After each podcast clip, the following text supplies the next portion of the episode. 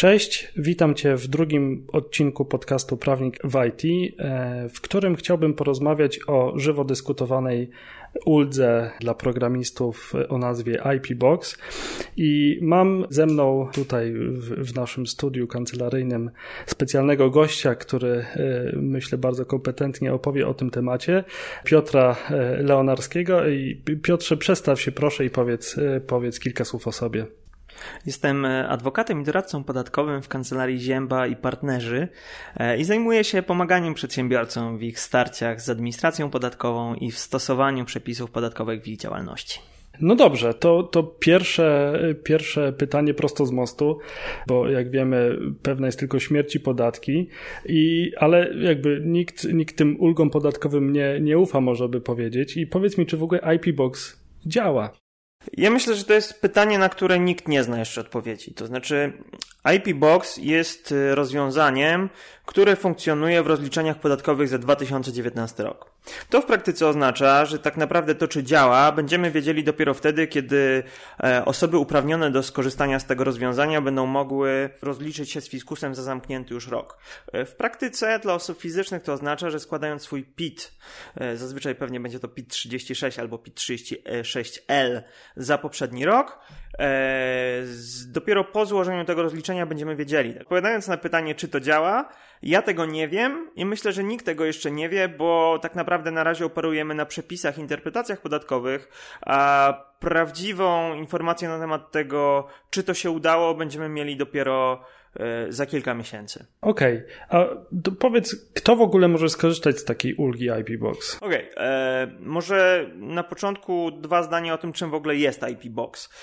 IP Box jest rozwiązaniem, które polega na tym, że płacimy niższy podatek dochodowy.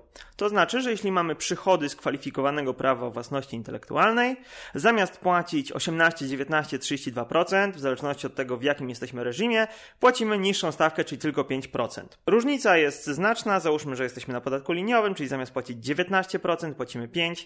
E, jeśli dobrze umiem liczyć, 14 punktów procentowych, jesteśmy po prostu efektywnie nie, do przodu. Nie jest to mało, a wiemy, że programiści mało nie zarabiają, więc oszczędność ja myślę, wydaje że, się być duża. Ja myślę, że to jest po pierwsze dość spora oszczędność e, i ona działa wtedy, kiedy rzeczywiście mamy przychody. Im większy przychód, tym lepiej ona działa. Odpowiadając na pytanie, kto może skorzystać, mogą skorzystać osoby, które tworzą lub rozwijają rozwijają kwalifikowane prawa własności intelektualnej w ramach swojej działalności.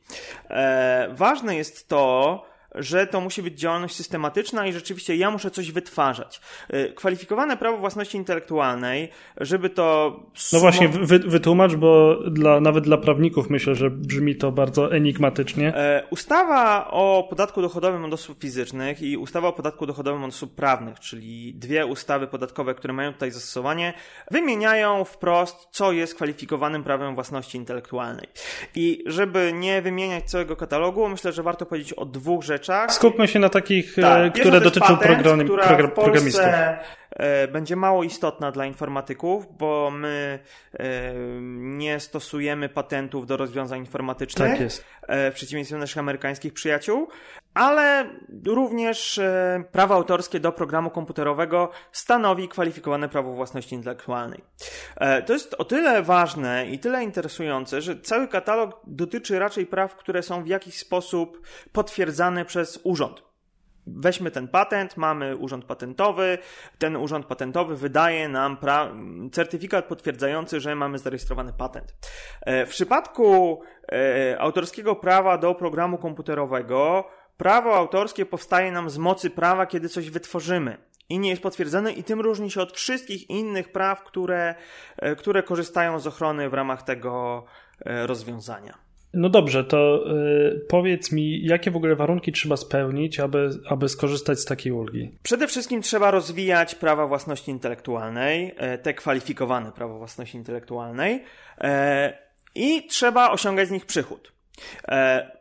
E, warto zauważyć, że ulga IP Box trochę jest drugą stroną monety, którą jest ulga na badania i rozwój. Różni się tym, że w przypadku ulgi na badania i rozwój e, mamy koszty, które możemy lepiej czy bardziej korzystnie rozliczać. Czyli uwzględniać, pomniejszając swój przychód. W przypadku IP Boxu, kiedy sprzedajemy, osiągamy kwalifikowany dochód z kwalifikowanego prawa własności intelektualnej, myślę, że uda nam się wyjaśnić również to drugie pojęcie, ten, po, ten przychód jest traktowany lepiej. I to musi być, e, to musi być przychód, który osiągamy z kwalifikowanego prawa i one też są wymienione. Myślę, że nas tutaj najbardziej interesować będą trzy, czyli po pierwsze licencje, po drugie przeniesienie prawa do kwalifikowanego prawa własności intelektualnej, czyli sprzedaż i trzecie to jest uwzględnienie kwalifikowanego prawa własności intelektualnej w cenie produktu lub usługi. Mhm. E, czyli jeśli świadczę usługi z wykorzystaniem czegoś, co rozwinąłem, to również część tego dochodu z moich usług może być preferencyjnie opodatkowana. To powiedz, jakby przejdźmy sobie może taką drogę, co trzeba zrobić, żeby, żeby z takiej preferencji czy z takiej ulgi w ogóle skorzystać. Wyobrażam sobie, że to, co trzeba na początku zrobić, to wystąpić może z, jakąś, z jakimś wnioskiem o wydanie inter, interpretacji indywidualnej. Czy tak jest? E, interpretacja indywidualna to jest w ogóle bardzo przydatne narzędzie. E, to, co trzeba zrobić najpierw, kiedy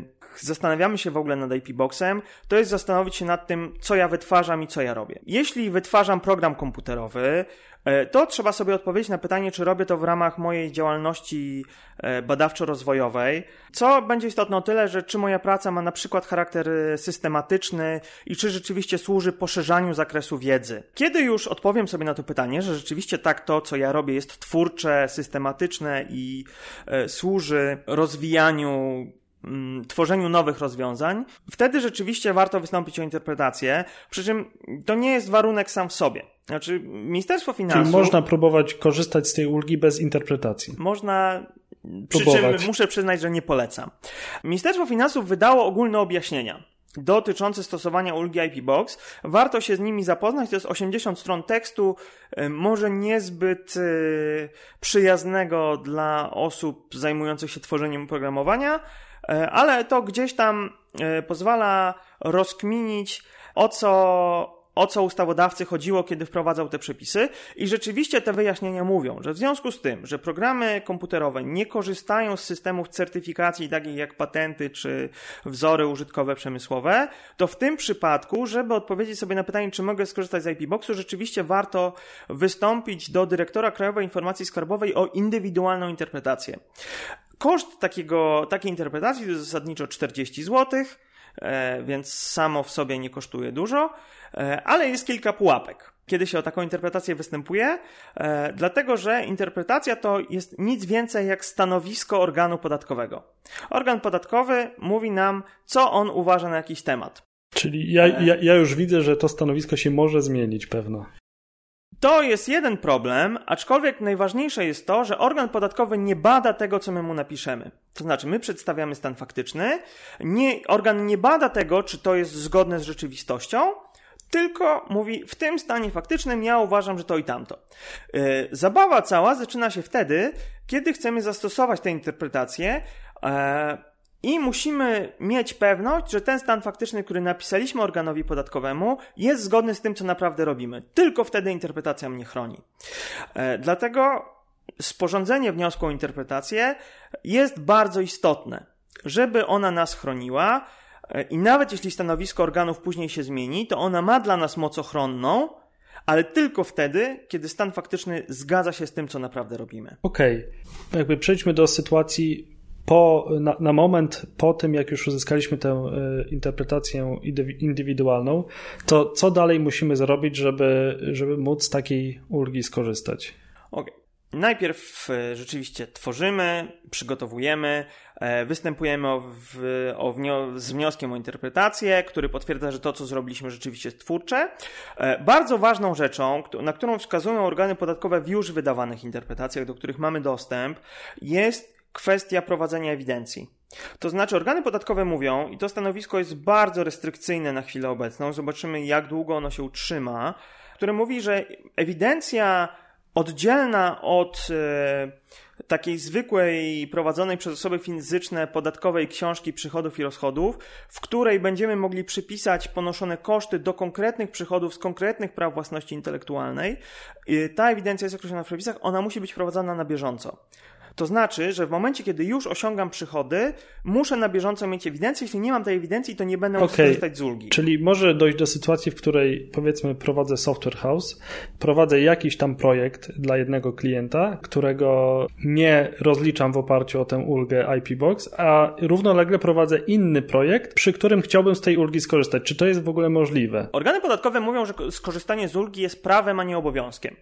To oznacza, że jeśli chcę z ulgi skorzystać, to korzystam. Jeśli nie, nie mam takiego obowiązku. I rzeczywiście nie ma powodu, dla którego muszę korzystać z tej ulgi do wszystkich y, swoich projektów. Ważne jest prowadzenie ewidencji, która pozwoli mi przypisać ponoszone przeze mnie koszty do poszczególnych praw własności mhm. intelektualnej, mhm. z których osiągam przychody, tak żeby. Czyli w przypadku programistów to będzie per projekt, tak? Myślę, że tak. Okay. Czy per konkretne prawo własności intelektualnej, czyli per konkretny fragment kodu, który stworzyłem. No dobrze, żeby, y, no powiedzmy, że prowadzimy już tę dokumentację, y, no to jakie koszty związane z takim projektem możemy w ogóle e, wliczyć, y, czy, czy wpisać do takiej dokumentacji, która będzie odpowiadała przepisom o IP Box. Okej. Okay. W przypadku, kiedy mamy do czynienia z IP Boxem, bardziej będziemy koncentrować się na przychodach, a nie na kosztach. Mhm. Koszty będą miały dla nas znaczenie przy tej uldze na B plus R, która pozwala nam specyficznie rozliczać koszty. W przypadku kwalifikowanych praw własności intelektualnej i tego przychodu z nich, e, bardziej będzie nas interesował przychód, ale co ważne, żeby określić, jaka część e, mojego przychodu jest opodatkowana preferencyjną stawką, muszę skorzystać z tak zwanego wskaźnika Nexus, który opiera się o kosztach. E, opiera się na kosztach, które ponosiłem, żeby wytworzyć kwalifikowane prawo własności intelektualnej. Ten wskaźnik jest określony w przepisach i on składa się z czterech zmiennych. Literek A, B, C i D B to są koszty ponoszone własne na działalność badawczo-rozwojową. Literka B to są koszty prac badawczo-rozwojowych zakupione od podmiotów niepowiązanych. C to są koszty prac badawczo-rozwojowych zakupione od podmiotów powiązanych. I D to są zakupione y, kwalifikowane prawa własności intelektualnej. I teraz cała historia polega na tym, że w oparciu o te cztery zmienne wyliczamy, jak dużo zostało zrobione jak dużo kosztów było ponoszonych we własnym zakresie na działania badawczo-rozwojowe. Tutaj będą przede wszystkim koszty wynagrodzeń pracowników, albo mm, organy podatkowe wskazują też na koszty zakupu sprzętu komputerowego, inne mm, organy podatkowe w interpretacjach indywidualnych wskazują też na inne rzeczy, ale tu byłbym bardzo ostrożny, bo mówią na przykład o kosztach samochodu służbowego w jakiejś tam części. To jest e... często pojawiające się pytanie w internecie tak? dotyczące IP Box. E ale są na razie korzystne interpretacje, ale tu byłbym bardzo ostrożny i bez, bez indywidualnej interpretacji nie traktowałbym tego jako kosztów własnej działalności badawczo-rozwojowej. I to jest o tyle istotne, że literki A i B, czyli te koszty własne i koszty zakupione od podmiotów niepowiązanych, e, będą nam statuowały e, licznik e, we współczynniku. Literki C plus D czyli koszty prac badawczo-rozwojowych nie będące kwalifikowanym IP zakupione od podmiotów powiązanych, czyli od spółki córki, spółki matki, e, brata, siostry. E, one i koszty zakupionych e, kwalifikowanych praw e, własności intelektualnej, czyli na przykład jeśli ja kupuję software od kogoś, który potem rozwijam, te koszty będą nam pomniejszały wskaźnik Nexus. E, wskaźnik Nexus to jest w skrócie literka A i B, o których mówiłem, razy 1,3 e, podzielone przez literki A plus B plus C plus D. Nie wiem, czy to, czy to jest jasne. Jeśli ktoś nie rozumie tego, co mówię, polecam spojrzeć do przepisów. Tam to jest rozpisane na wzorze matematycznym z legendą, która literka odpowiada za co. Czyli mnożymy licznik przez 1 i 1 trzecią, dzielimy to przez wszystkie wskazane litery i w ten sposób wychodzi nam jaka część dochodu na przykład licencji może być ujmowana yy, czy objęta tą preferencyjną stawką 5%. Z ewidencji powinno nam wy wychodzić, jakie te koszty e, wliczane do wskaźnika Nexus są uwzględniane do, do poszczególnych praw własności intelektualnej, intelektualnej i w ten sposób wychodzi nam, co właściwie opodatkowujemy. Jeśli chodzi, jeszcze jeśli chodzi o koszty, to przypominam, że stawką 5% jest opodatkowany dochód. Dochód to jest przychód, czyli to, co otrzymaliśmy od klientów, pomniejszane o nasze koszty. E, myślę, że większość e, większość e, przedsiębiorców będzie chciała do stawki 5% przypisać jak najmniej kosztów, żeby wszystkie koszty przypisać do stawki 19%. To niestety nie będzie tak proste, bo to co koszty pośrednie wedle wszelkiego prawdopodobieństwa musimy rozliczać e, proporcjonalnie, no i koszty bezpośrednie musimy przypisywać do tego dochodu, który e, opodatkowujemy tą Czyli może dojść do sytuacji, gdzie część kosztu będzie zaliczana do tej preferencyjnej stawki, a część do tej standardowej. No, jeśli koszty są związane z całością działalności, czyli i z jednym, i z drugim, no to trzeba je pewnie zaliczać w ten sposób, żeby e, trochę tu, trochę tu. Okej, okay, dobrze. To myślę, że dosyć dobrze wytłumaczyłeś e, całą procedurę i zawiłości tego, e, tego tematu. Natomiast jakby rynek IT jest podzielony, bym powiedział, podzielony na na dwie strony. Z jednej strony mamy dostawców oprogramowania, e, większe lub mniejsze software house'y. E, mamy też freelancerów, którzy, którzy dostarczają oprogramowanie samodzielnie dla swoich klientów końcowych, ale z drugiej strony mamy przecież rzesze programistów, którzy są po prostu podwykonawcami dla tych większych software house'ów. I chciałbym, żebyśmy omówili sytuację tych trzech podmiotów, czyli dużych software house'ów, programistów freelancerów i tych programistów, którzy są e, e, podwykonawcami. Czy widziałbyś tu jakieś różnice e, ważne z punktu widzenia ulgi IP Box? To może łatwiej będzie mi zacząć od tego, co jest podobne. Ulga IP Box generalnie zgodnie z założeniem projektodawcy i ustawodawcy ma dotyczyć wszystkich.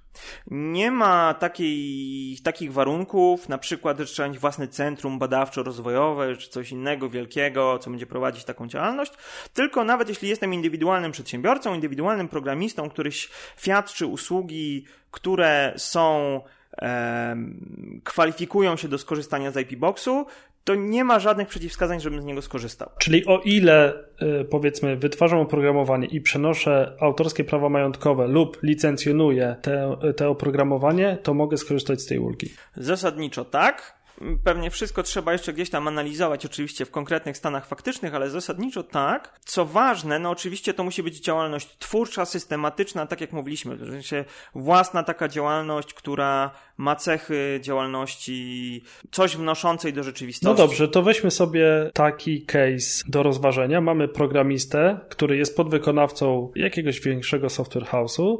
Jest to jego jedyny klient. Co miesiąc fakturuje go na konkretną kwotę, przenosi autorskie prawa majątkowe. I czy tutaj widzisz, e, widzisz jakiś problem z tym? Jeśli mówimy o indywidualnym programiście, który przenosi prawa majątkowe do stworzonego przez siebie programu, zakładając, że ten program jest jakoś tam twórczy, to znaczy to nie jest tak, że e, klepiemy e, coś, co robią wszyscy i, i ma to działalność tylko tak, znaczy ma to taki mechaniczny charakter, to oczywiście generalnie ja nie widzę przeciwwskazań do stosowania IP Boxu. E, z zastrzeżeniem oczywiście tego wskaźnika Nexus, tak? To znaczy, że e, muszę jakby wykazać, e, jaka część moich kosztów jest związana z działalnością twórczą i, i, zakładam, że fizyczny programista nie kupuje wyników prac badawczo-rozwojowych od podmiotów powiązanych, cokolwiek by to nie znaczyło i raczej, jeśli nie, oczywiście nie kupuje też sam praw autorskich do, do software'u, i co ważne, prowadzi ewidencję.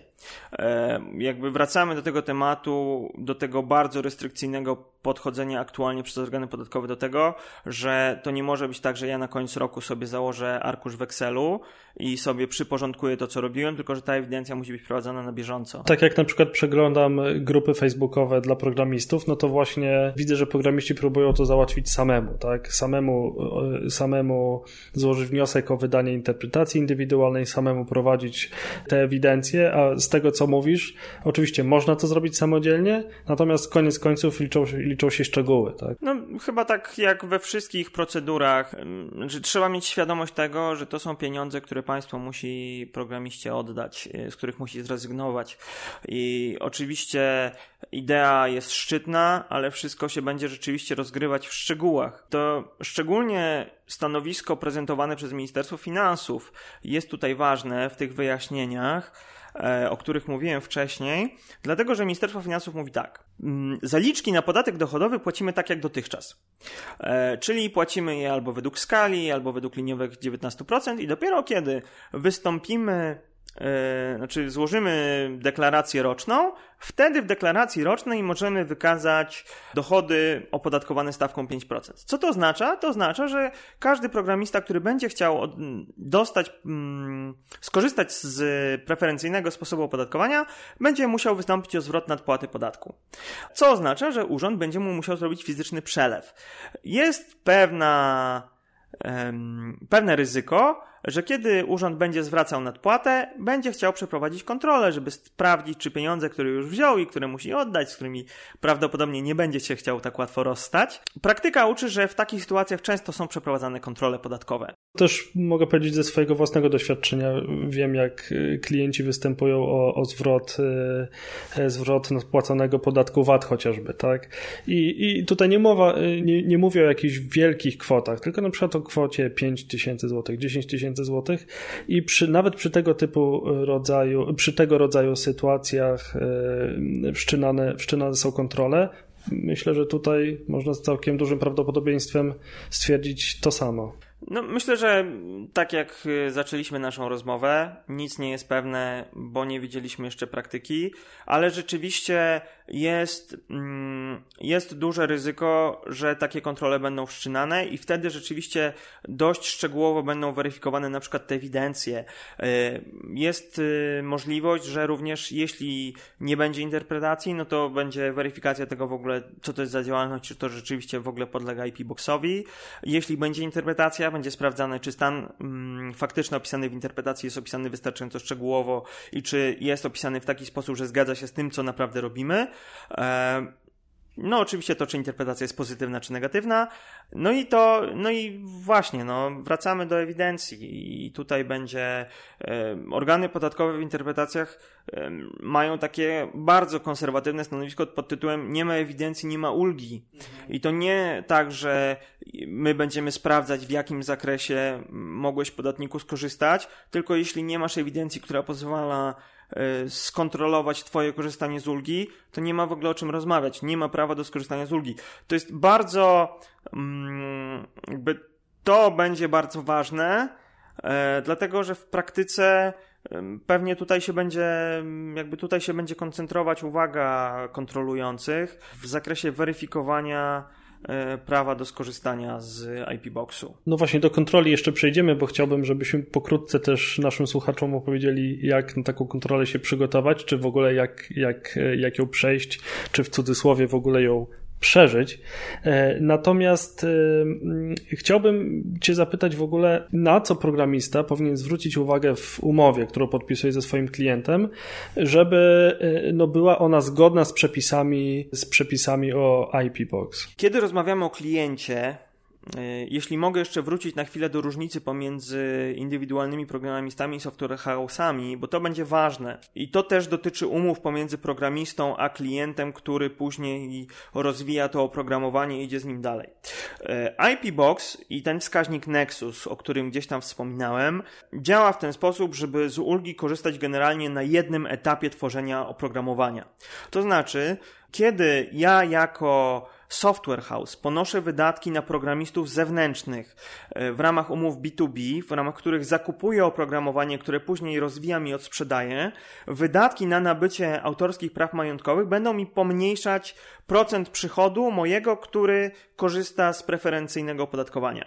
I dlatego mm, w przypadku umów z mm, programistów software house'ami będzie ważne to, czy programista sprzedaje e, autorskie prawa majątkowe, tudzież udziela licencji, bo wtedy on może skorzystać z preferencyjnego sposobu opodatkowania, a z drugiej strony, jeśli software house kupuje kwalifikowane prawo własności intelektualnej, czyli autorskie prawa majątkowe do programu komputerowego, dla niego e, ten wydatek będzie obniżał wskaźnik Nexus, czyli będzie utrudniał, jeśli nie uniemożliwiał e, zastosowanie preferencyjnego opodatkowania. Nie wiem, czy to odpowiada na pytanie, na co zwrócić uwagę w umowie. E, w umowie warto zwrócić uwagę przede wszystkim na to, co jest jej przedmiotem. No trochę też powiedzieliśmy o tym wcześniej. No, należy też zwrócić w ogóle uwagę, żeby przenieść te autorskie prawa majątkowe lub też udzielić licencji na korzystanie z tych utworów, więc, y, więc zwróćmy na to uwagę, bo to jest często kwestia pomijana. Właśnie to też chciałem poruszyć wcześniej, że ja w umowach IT bardzo często widzę umowę na wykonanie y, aplikacji lub jakiegoś większego systemu, w której nie ma E, ani słowa o własności intelektualnej. Tak? I co wtedy? Czy taki programista będzie mógł skorzystać e, z ulgi IP Box, jeśli umowa nic nie mówi o własności intelektualnej? Czy myślę, że jeśli umowa nic nie mówi o prawo własności intelektualnej, to sprawy podatkowe będą ostatnim zmartwieniem stron tej umowy, e, ale rzeczywiście... No myślę, że bardziej klienta tego, tego naszego programisty niż naszego, niż naszego ale programisty. Ale rzeczywiście to w tym momencie staje się interesem programisty, żeby takie postanowienia były. I w zakresie, w jakim programista sprzedaje software, e, dla niego jest rzeczywiście korzystne sporządzenie umowy w ten sposób, żeby to było jasno wynikało, żeby móc organom podatkowym pokazać wprost, co, co jest przedmiotem umowy. Dobre skonstruowanie umowy będzie o tyle ważne, że pomoże uniknąć wielu wątpliwości w tym zakresie. To znaczy, wszystkim nam zależy, żeby proces weryfikacji stosowania IP Boxu przez programistę przebiegł możliwie e, sprawnie i e, bezproblemowo. Dobre skonstruowanie umowy i wyraźne wskazanie na przeniesienie praw autorskich majątkowych lub na udzielenie licencji e, będzie na pewno pomoże uniknąć wielu problemów. No to przejdźmy do tych y, kontroli, o których wspomnieliśmy już wcześniej. Powiedz, jak się w ogóle przygotować i jak przejść taką kontrolę? Czy, czy w ogóle trzeba się bać? Czy trzeba się bać? Jeśli nie masz ewidencji, nie drogi programisto, to bój się. Eee, ja myślę, że nie warto się bać, warto się przygotować. Eee, I rzeczywiście Przygotowanie do zastosowania IP Boxu zaczyna się już w momencie myślenia o sporządzeniu umowy z klientem. E, czyli dobrze sporządzona umowa, to o czym mówiliśmy, dobrze prowadzona ewidencja, dobrze napisany wniosek o interpretację indywidualną, e, dobre przyporządkowanie kosztów do przychodów. To wszystko na koniec dnia będzie służyło zmniejszeniu ryzyka związanego z kontrolą. Jeszcze, jeszcze a propos y, tej interpretacji indywidualnej, oczywiście ja nie jestem doradcą podatkowym, ale e, tutaj zwróciłbym uwagę na to, że oczywiście można samemu złożyć wniosek i zadać pytanie, tak? Tylko chodzi nie o to, żeby zadać jakiekolwiek pytanie i opisać w trzech zdaniach stan faktyczny, tylko żeby właściwie opisać i zadać właściwe pytanie. I w tym właśnie może pomóc, e, pomóc prawnik, prawda? No, ja myślę, że tutaj prawnik może pomóc na wielu etapach. Po pierwsze, konstruowanie umowy w taki sposób, żeby ona jasno wskazywała przedmiot, który podlega preferencyjnemu opodatkowaniu, sporządzenie wniosku o interpretację w taki sposób, żeby z niego jasno wynikało nie tylko, czy w ogóle mogę skorzystać, ale to w jakim zakresie, jaka część mojego przychodu podlega opodatkowaniu tą preferencyjną stawką, jakie muszę mieć dokumenty, żeby I czy wytwarzam to kwalifikowane IP w ogóle? Czy w ogóle wytwarzam kwalifikowane IP? Czy koszty, które ponoszę, stanowią, y, powinny być uwzględniane w wskaźniku Nexus? Wracamy do tematu samochodu służbowego. W jakim zakresie? Y, czy Mm, czy koszty moich podwykonawców y, są traktowane jako koszty prac badawczo-rozwojowych, czy jako koszty kwalifikowanego IP. E, wszystkie te rzeczy, które gdzieś tam wpływają nam czy na wskaźnik Nexus, czy na uznanie za kwalifikowane IP, czy za kwalifikowany przychód z kwalifikowanego IP, będą istotne. Na każdym z, y, na każdym z etapów stosowania IP Boxów gdzieś tam można się trochę wywrócić, a ryzyko kontroli, no jest duże, biorąc pod uwagę, że urząd będzie jasno widział, że chcemy skorzystać z ulgi i że chcemy odzyskać pieniądze, które już płaciliśmy. To powiedz, po jakim czasie programista, który korzysta na bieżąco z tej ulgi IP Box co roku, powiedzmy, załóżmy, że ta, że ta ulga będzie obowiązywała przez najbliższe 20 lat, to po jakim czasie może czuć się bezpiecznie w ogóle? O, po jakim czasie może czuć się bezpiecznie? E, mamy coś takiego to aktualnie. To było bardzo znamienne.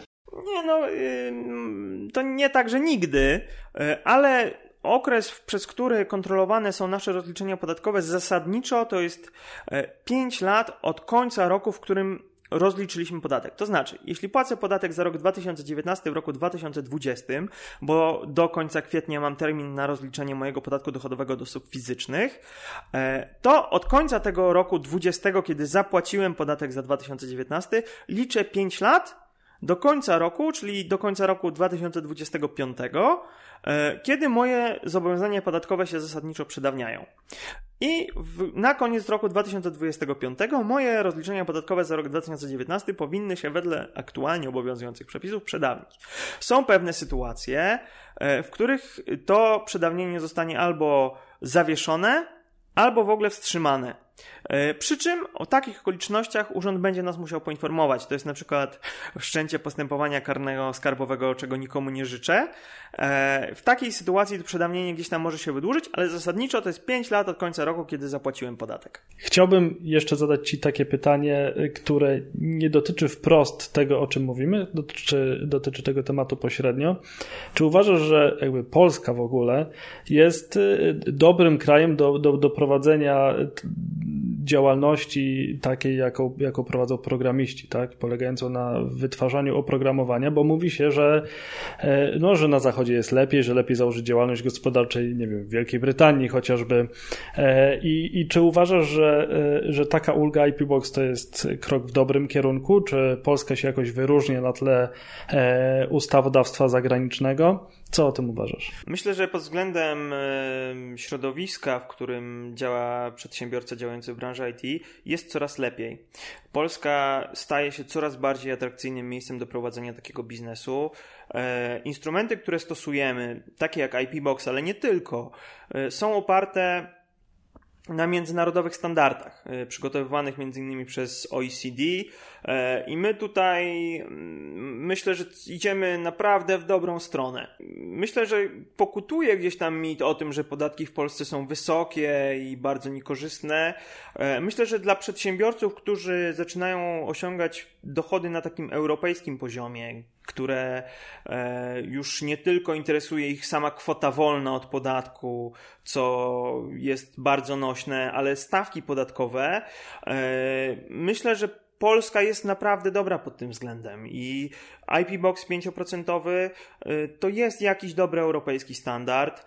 Stawka podatku liniowa w ogóle, nawet jeśli nie stosujemy IP Boxu 19% przy y, wyższych dochodach, to zaczyna też być w ogóle atrakcyjny, atrakcyjny instrument dla, dla przedsiębiorców.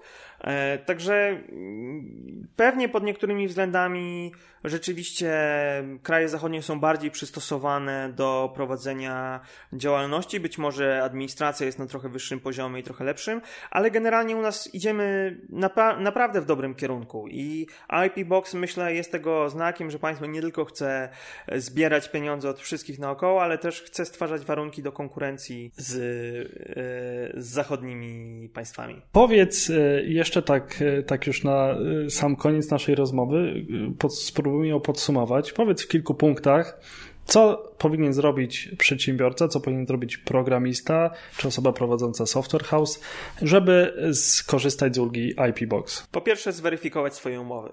Zweryfikować, poprawić, sporządzić w taki sposób, żeby jasno z nich wynikało, co jest ich przedmiotem i czy ten przedmiot e, podlega preferencyjnemu opodatkowaniu. Po drugie, prowadzić ewidencję.